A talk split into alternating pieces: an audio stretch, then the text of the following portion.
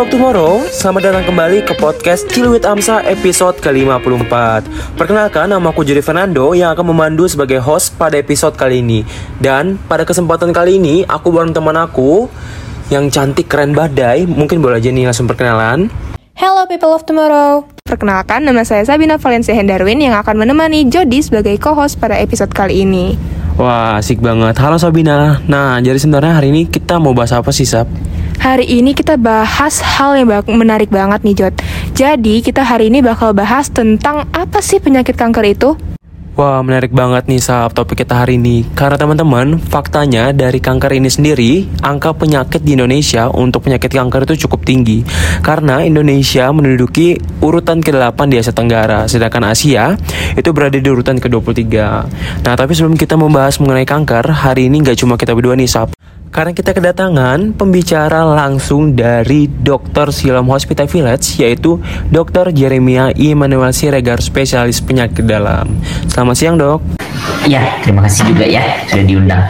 Halo dokter, selamat siang. Sebelumnya, kami sekali lagi ingin mengucapkan terima kasih banyak atas ketersediaan dokter yang telah meluangkan waktu untuk menjadi pembicara Chill with Amsa kali ini. Nah, tanpa berlama-lama lagi, karena kalian udah gak sabar nih untuk mengenal penyakit kanker, izinkan aku untuk memulai podcast kita hari ini ya. Oke, silahkan Jody. Oke, baik dok. Untuk pertanyaan pertama, aku mau nanya nih dok. Untuk definisi kanker sendiri secara general itu seperti apa ya dok? Oke, jadi kalau kita berbicara tentang penyakit kanker, kanker itu merupakan penyakit yang tidak menular. Nah, itu ditandai dengan adanya um, sel atau jaringan abnormal ya yang berkembang secara cepat uh, yang bersifat ganas. Dia bisa tumbuh tidak terkendali dan dia bisa menyebar. Jadi mulanya dari satu tempat dia bisa menyebar ke tempat lain. Ya dan uh, sifat dari yang ganas tersebut bisa menginvasi istilahnya, bisa masuk ke dalam sel-sel tubuh yang normal ya sehingga dia bisa merusak uh, fungsi dari jaringan tersebut ya penyebarannya yang semakin banyak ya bisa membuat uh, jaringan dalam tubuh di mana pun bisa uh, semakin rusak dan ya kalau rusak nantinya akan terjadi berbagai macam uh, komplikasi dan penyakit yang lain seperti itu. Uh, jadi seperti itu guys definisi kanker secara general. Nah, aku juga ingin bertanya nih dok, untuk penyebab kanker itu sendiri apa saja ya dok? Mungkin ada faktor internalnya atau mungkin eksternalnya dok? Oke, okay um, penyebab kanker tuh sebenarnya sampai sekarang tuh belum bisa ada yang pastikan. Memang ada beberapa kanker yang penyebabnya itu uh, maksudnya gini, risikonya bisa uh, meningkat kalau uh, orang tersebut terkena penyakitnya. Misalnya uh, human papillomavirus bisa menyebabkan peningkatan risiko dari kanker serviks ya itu yang salah satunya. Masih banyak lagi biasanya terkait dengan virus-virus bisa menyebabkan kanker. Memang ada hal yang sudah diketahui tapi sebenarnya masih banyak juga hal yang belum diketahui. Risiko misalnya seperti merokok lalu juga uh, ke, uh, faktor dari keturunan lalu juga makanan-makanan yang tidak sehat itu juga bisa menjadi uh, salah satu um, risiko yang bisa meningkatkan terjadinya kanker. Tapi memang untuk kanker-kanker yang tertentu, kira-kira seperti itu. Oke dok, jadi jawabannya belum bisa kita pastikan ya dok dengan pasti penyebab dari kanker sendiri. Ya. Yeah. Um, aku juga mau tanya nih dok, jadi um, proses kanker itu terjadi seperti apa ya dok? Oke, jadi um, kalau proses kanker itu yaitu uh, secara umum ya karena memang ada sel yang normal. Sel yang normal itu kita sebenarnya uh, tubuh kita ini sel-selnya itu uh, punya sinyal-sinyal. Jadi kalau misalnya sudah uh, dia ada tuh uh, muncul terus dia uh, bertumbuh lalu dia berkembang ya membentuk jaringan dan organ ya terus dia berfungsi ya kalau misalnya sebenarnya umurnya sudah cukup atau sudah mencapai batas waktu tertentu sebenarnya ada uh, sinyal-sinyal tertentu yang akan membuat sel-sel tersebut akan mati ya atau secara uh, kedokteran kita sebut namanya apoptosis. Nah, tapi kalau proses tersebut terganggu, ya entah karena banyak hal tadi, bisa karena misalnya nih infeksi yang memang sudah terkait dengan uh, munculnya kanker, kemudian atau misalnya um, keturunan atau misalnya ada penyakit lain yang tertentu atau uh, paparan dari eh, bahan-bahan uh, tertentu ya itu bisa membuat uh, selnya yang tadinya uh, harusnya uh, mati dia jadi dia tidak uh, apa ya dia tidak mati jadi dia malah terus berkembang ya dia bisa terus uh, bertumbuh berkembang secara tidak terkendali. Ya sehingga itu sehingga menyebabkan terjadinya kanker. Ya awalnya dulu jadi ada benjolan atau ada tumor atau sifatnya dari sel tersebut berubah. Dan bisa saja itu menjadi ganas sehingga fungsinya menjadi tidak baik dan dia juga berkembang secara tidak terkendali. Dan dia juga bisa merusak sel-sel normal. Jadi mulainya dari situ dari uh, sel-sel yang harusnya uh, secara sinyal secara waktunya sudah mati tapi dia tidak mati tapi dia malah uh, hidup terus dan dia dia berkembang lebih banyak dan lebih besar sehingga dia juga bisa merusak sel-sel normal yang lainnya. Wah, ternyata proses dari terjadinya kanker itu cukup rumit ya dok? Ya. Oh, Oke. Okay. Baik dok, jadi uh, selanjutnya aku juga mau nanya nih dok Tentang sign dan simptom dari kanker itu apa sih dok? Oke, okay. ya jadi gini, karena kanker itu dia bisa mengenai bagian mana saja, organ mana saja, ya tentunya um, keluhan-keluhannya juga bervariasi. Ya tergantung dari bagian mana kanker tersebut terkena. Ya jadi kita nggak bisa mengeneralisir keluhan-keluhan itu bisa saja terkait karena kanker belum tentu um, ya misalnya contohnya kalau misalnya ada yang uh, apa namanya misalnya kanker yang terkena di bagian kepala atau di bagian hidung gitu misalnya ya atau di di daerah saluran napas ya bisa saja orang tersebut mulainya pilek-pilek saja terus sering-sering ada mimisan ya bisa saja itu jadi salah satu tanda.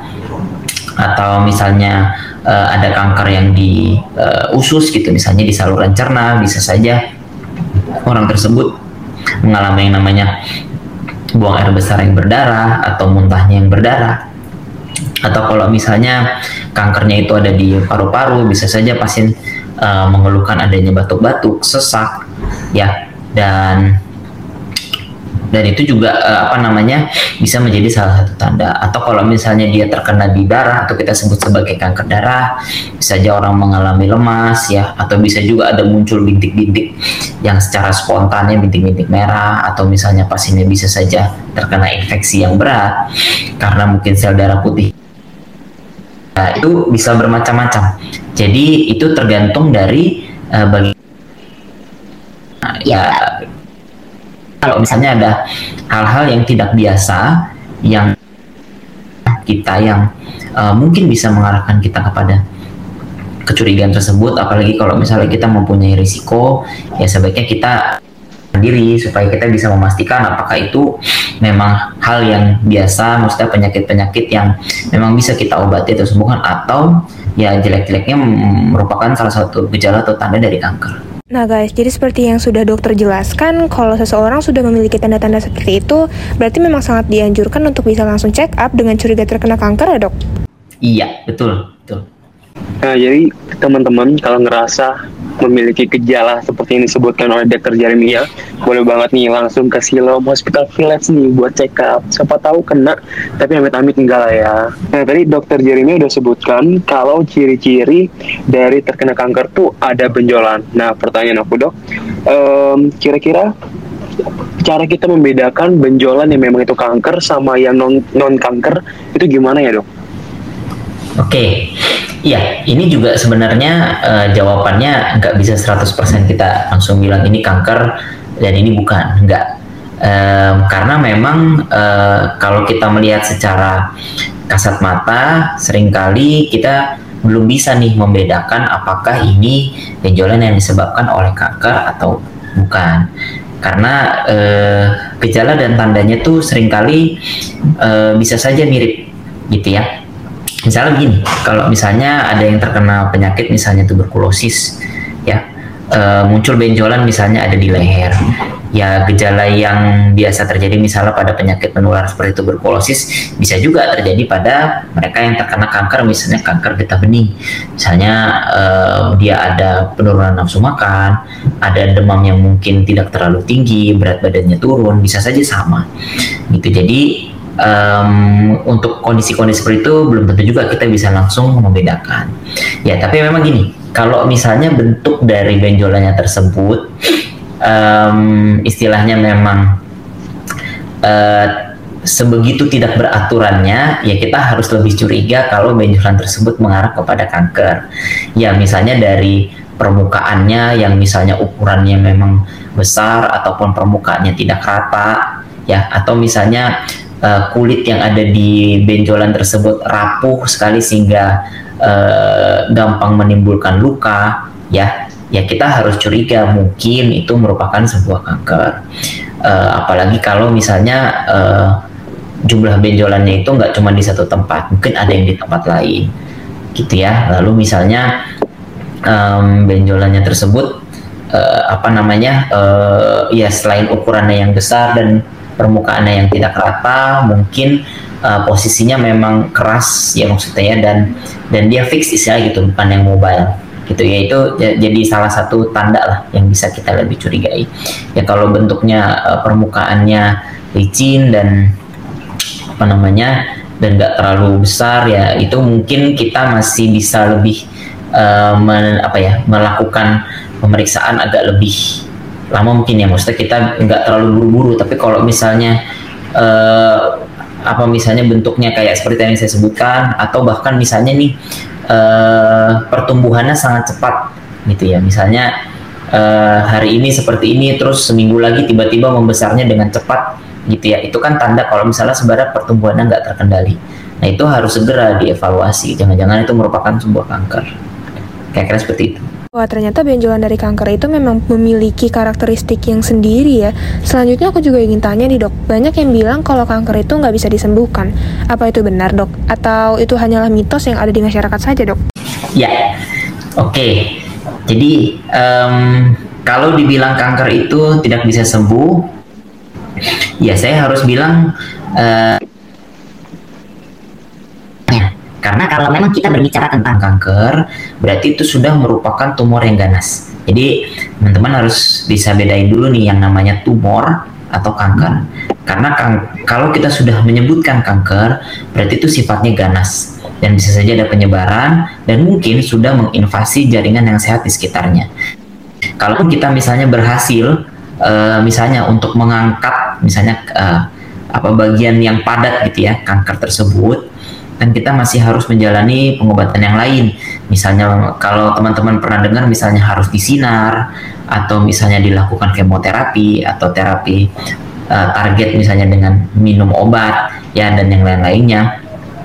Itu bisa membantu untuk uh, menekan uh, munculnya uh, kanker tersebut.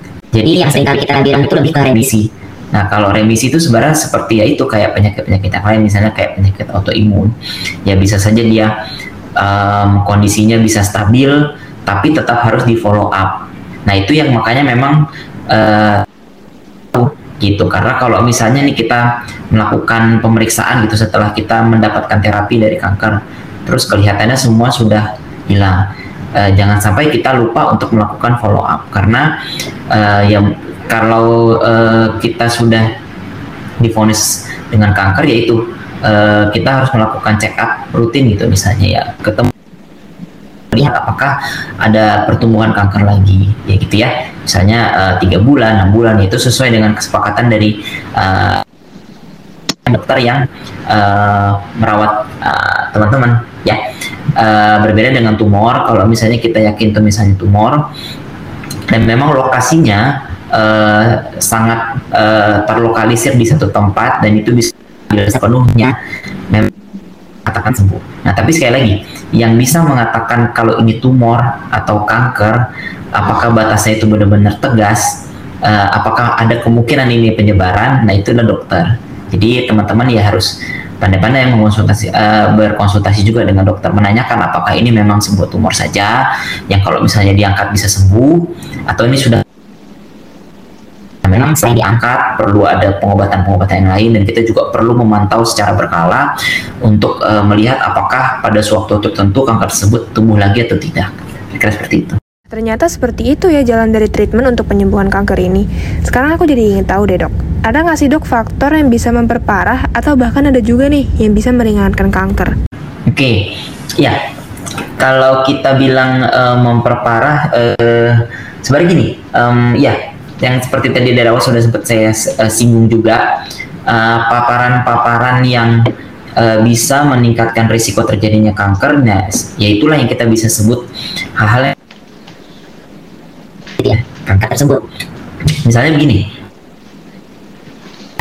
rokok, meningkatkan risiko kanker paru kalau misalnya orang udah ketahuan misalnya ketemu benjolan di parunya ada tumor dibilang kanker paru terus dia merokok ya yang jelas nanti kanker bisa makin berat gitu ya. Nah, kalau misalnya uh, dia bekerja yang mendapatkan paparan di uh, bahan-bahan yang kimia atau radiasi uh, dengan tidak menggunakan perlindungan yang semestinya itu juga bisa meningkatkan risiko terjadinya kanker atau memperburuk terjadinya kanker. Makanan-makanan tertentu ya ada juga nih banyak penelitiannya ya.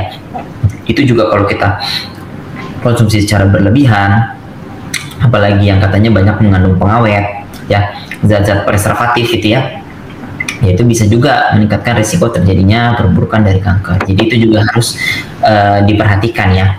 Kalau hal-hal yang bisa um, meringankan kanker sampai sejauh ini sih saya belum bisa menemukan ya. Karena ya kalau memang sudah seseorang itu terkena kanker ya yang bisa kita lakukan ya ya kita mencegah supaya tidak terjadi perburukan atau bahkan kita ya uh, bekerja yang maksud bukan kerja maksudnya kita mencegah dari awal gitu supaya amit-amit ya kita nggak nggak terkena kanker seperti itu. Wah, faktornya juga ternyata banyak ya dok uh, yang memperparah dari kanker itu sendiri. Dan aku juga mau tanya nih dok, um, untuk make sure aja karena tadi sebelumnya dokter udah bilang kalau kanker itu sendiri tuh merupakan penyakit turunan atau penyakit genetik gitu ya dok. Ini um, fakta atau mitos aja sih dok buat teman-teman lebih tahu lagi. Iya. Jadi ya uh, kalau dibilang fakta atau mitos ya saya harus bilang fakta karena uh, memang kalau uh, sekarang kalau teman-teman membaca ya laporan sekarang berkembang memang uh, kanker itu sekarang lebih berfokus ya kita uh, penelitian yang banyak sekarang berfokus ya memang mencari faktor-faktor uh, genetik ya jadi mutasi genetik perubahan-perubahan yang terjadi dalam um, genetik dari seseorang itu yang memang bisa menyebabkan terjadinya kanker. Nah, kalau memang sudah ada faktor genetik tersebut, ya tentu saja karena memang dia sifatnya gen, ya tentu saja bisa diturunkan. Jadi seseorang yang memang menderita kanker, ya keturunannya bisa berisiko terjadi kanker. Makanya memang uh, kita selalu menyarankan kalau memang orang tuanya gitu atau saudara-saudaranya yang terkena kanker, screening untuk uh, mencari uh, kanker itu juga harus dilakukan sejak dini untuk pasien-pasien tersebut.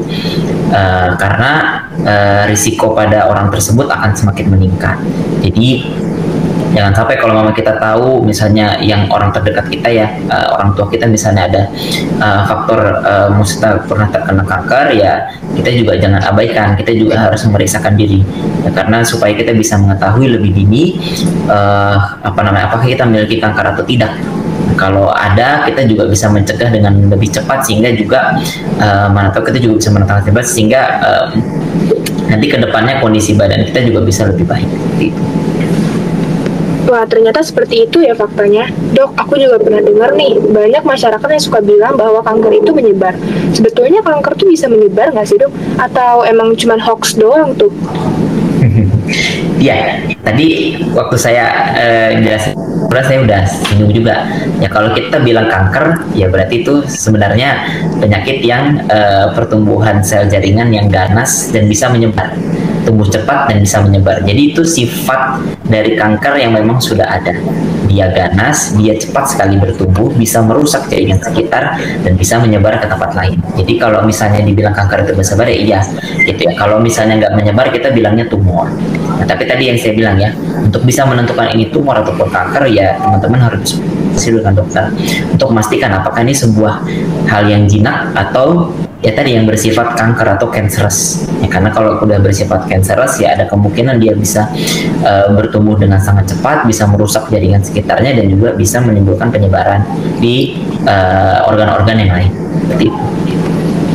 Nah, kalau itu kan memang menyebarnya ke maksudnya ke sel-sel lain ya, Dok. Untuk kalau Ya. misalkan kayak menyebar ke uh, orang lain gitu, Dok. Apakah itu bisa menyebar kanker, Dok, atau uh, memang sebenarnya ini penyakit yang tidak bisa disebarkan ke orang lain, Dok? Oh oke, jadi maksudnya itu dalam hal menular berarti maksudnya ya. Ya, penyakit kanker itu tidak menular ya, tapi memang ada kemungkinan bisa diturunkan. Jadi sifatnya seperti itu. Jadi kanker kita nggak usah takut karena itu nggak menyebar, nggak ada itu menular. Tapi dia berpotensi untuk diturunkan. Jadi yang lebih harus concern adalah ya keturunan. Jadi eh, kita yang misalnya tahu gitu kalau orang tua kita punya kanker, ya kita harus lebih aware gitu sih untuk menekan diri lebih cepat. Karena ada ada kemungkinan eh, penyakit kanker tersebut diturunkan ke kita. Kalau untuk menular sama sekali enggak. Oke baik dok, jadi em, ini hoax yang ber kalau penyakit kanker ini bisa menular. Jadi teman-teman harus tahu banget itu hanya sebuah mitos atau hoax kalau kanker tuh nggak bisa menular, tapi bisa diturunkan kalau keluarga kita atau orang tua kita tuh punya. Jadi kita harus aware sama kanker itu. Dan juga aku mau tanya nih dok, em, banyak juga yang beredar di masyarakat kalau mengonsumsi gula itu dapat memicu kanker untuk tumbuh. Apakah hal ini betul? Apakah cuma hoax doang nih dok? Oke, ya ini juga banyak juga nih kita dengar. Eh, jadi begini, em, kon- memang eh, dalam jumlah yang cukup sih eh, itu tidak eh, akan menyebabkan kanker. Karena kan ya gula atau glukosa ya karbohidrat itu kan sebenarnya eh, zat yang dibutuhkan juga untuk kita untuk eh, tubuh kita bisa berkembang untuk metabolisme di tubuh kita untuk eh, badan kita juga bisa mengerjakan tugas dan fungsinya dengan baik gitu ya.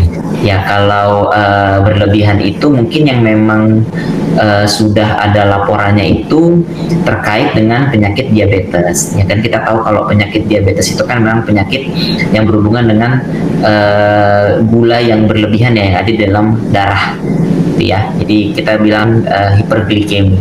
Nah eh, diabetes yang tidak terkontrol itu memang berisiko untuk meningkatkan eh, terjadinya kanker ya jadi itu memang harus diwaspadai.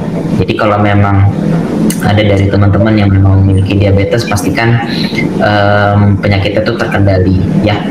Nah, eh, diabetes yang tidak terkendali memang eh, banyak penelitian yang berhubungan dengan eh, terjadinya kanker. Tapi memang nggak semua kanker. Tapi kan nggak semua kanker kan ya tetap aja itu berhubungan kanker. Misalnya nih eh, yang deket-deket gitu misalnya berhubungan dengan kanker pankreas ya atau kanker-kanker yang lain jadi eh, hati-hati. Jadi lebih berhubungan sebenarnya dengan diabetes. Kalau mengkonsumsi gula yang berlebihan, ya eh, secara langsung menyebabkan kanker kan enggak. Tapi kan kita tahu kalau kita mengkonsumsi gula secara berlebihan, itu juga bisa menjadi risiko terjadinya diabetes. Jadi kalau misalnya kita kebanyakan makan gula, kita bisa diabetes, dan diabetes itu sendiri juga berpotensi meningkatkan risiko kanker. Jadi eh, itu yang sebenarnya harus dipahami dulu ya. Ah, ternyata guys masih ada korelasi ya dari mengonsumsi gula dengan kanker itu sendiri. Nah dok, untuk masyarakat bisa lebih aware tentang kanker nih, mungkin ada tips dari dokter tentang cara untuk mencegah terkena kanker nggak dok? Oke, Em, ya karena memang munculnya kanker ini kita nggak pernah tahu, jadi adalah dengan melakukan screening secara berkala.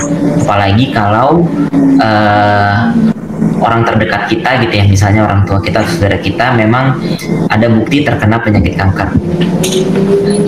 Lebih aware, gitu ya risiko. Jadi jangan pernah abaikan. Kalau misalnya memang ada program untuk medical check up harus dikerjakan. Ya, eh, memang ada ada ada eh, waktunya ya.